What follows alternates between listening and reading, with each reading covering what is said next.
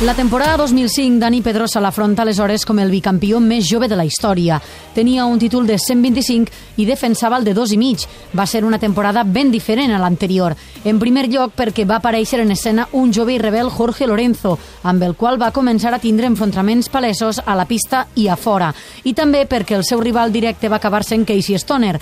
El títol el guanya el català a Austràlia, aprofitant una caiguda del pilot local, però només li valia la victòria i li pren a Sebas Porto per 27 mil·lèsimes. Les curses han sigut més difícils, han estat més competides i el pòdium pues, sempre ha estat més car. Ha sigut més difícil lluitar a la pista amb, amb aquests pilots perquè no... l'any passat pues, érem tres o quatre pilots els que estàvem davant i el dia que ho feies malament pues, acabaves quart però bueno, aquest any eren més pilots i era sempre, des del dia que feies millor al dia que ho feies més malament pues era més fàcil perdre més punts o guanyar-ne molts. Són set victòries d'un total d'11 podis en 16 curses. El ventall d'esdeveniments d'aquella temporada s'amplia amb una lesió que es va fer al Japó.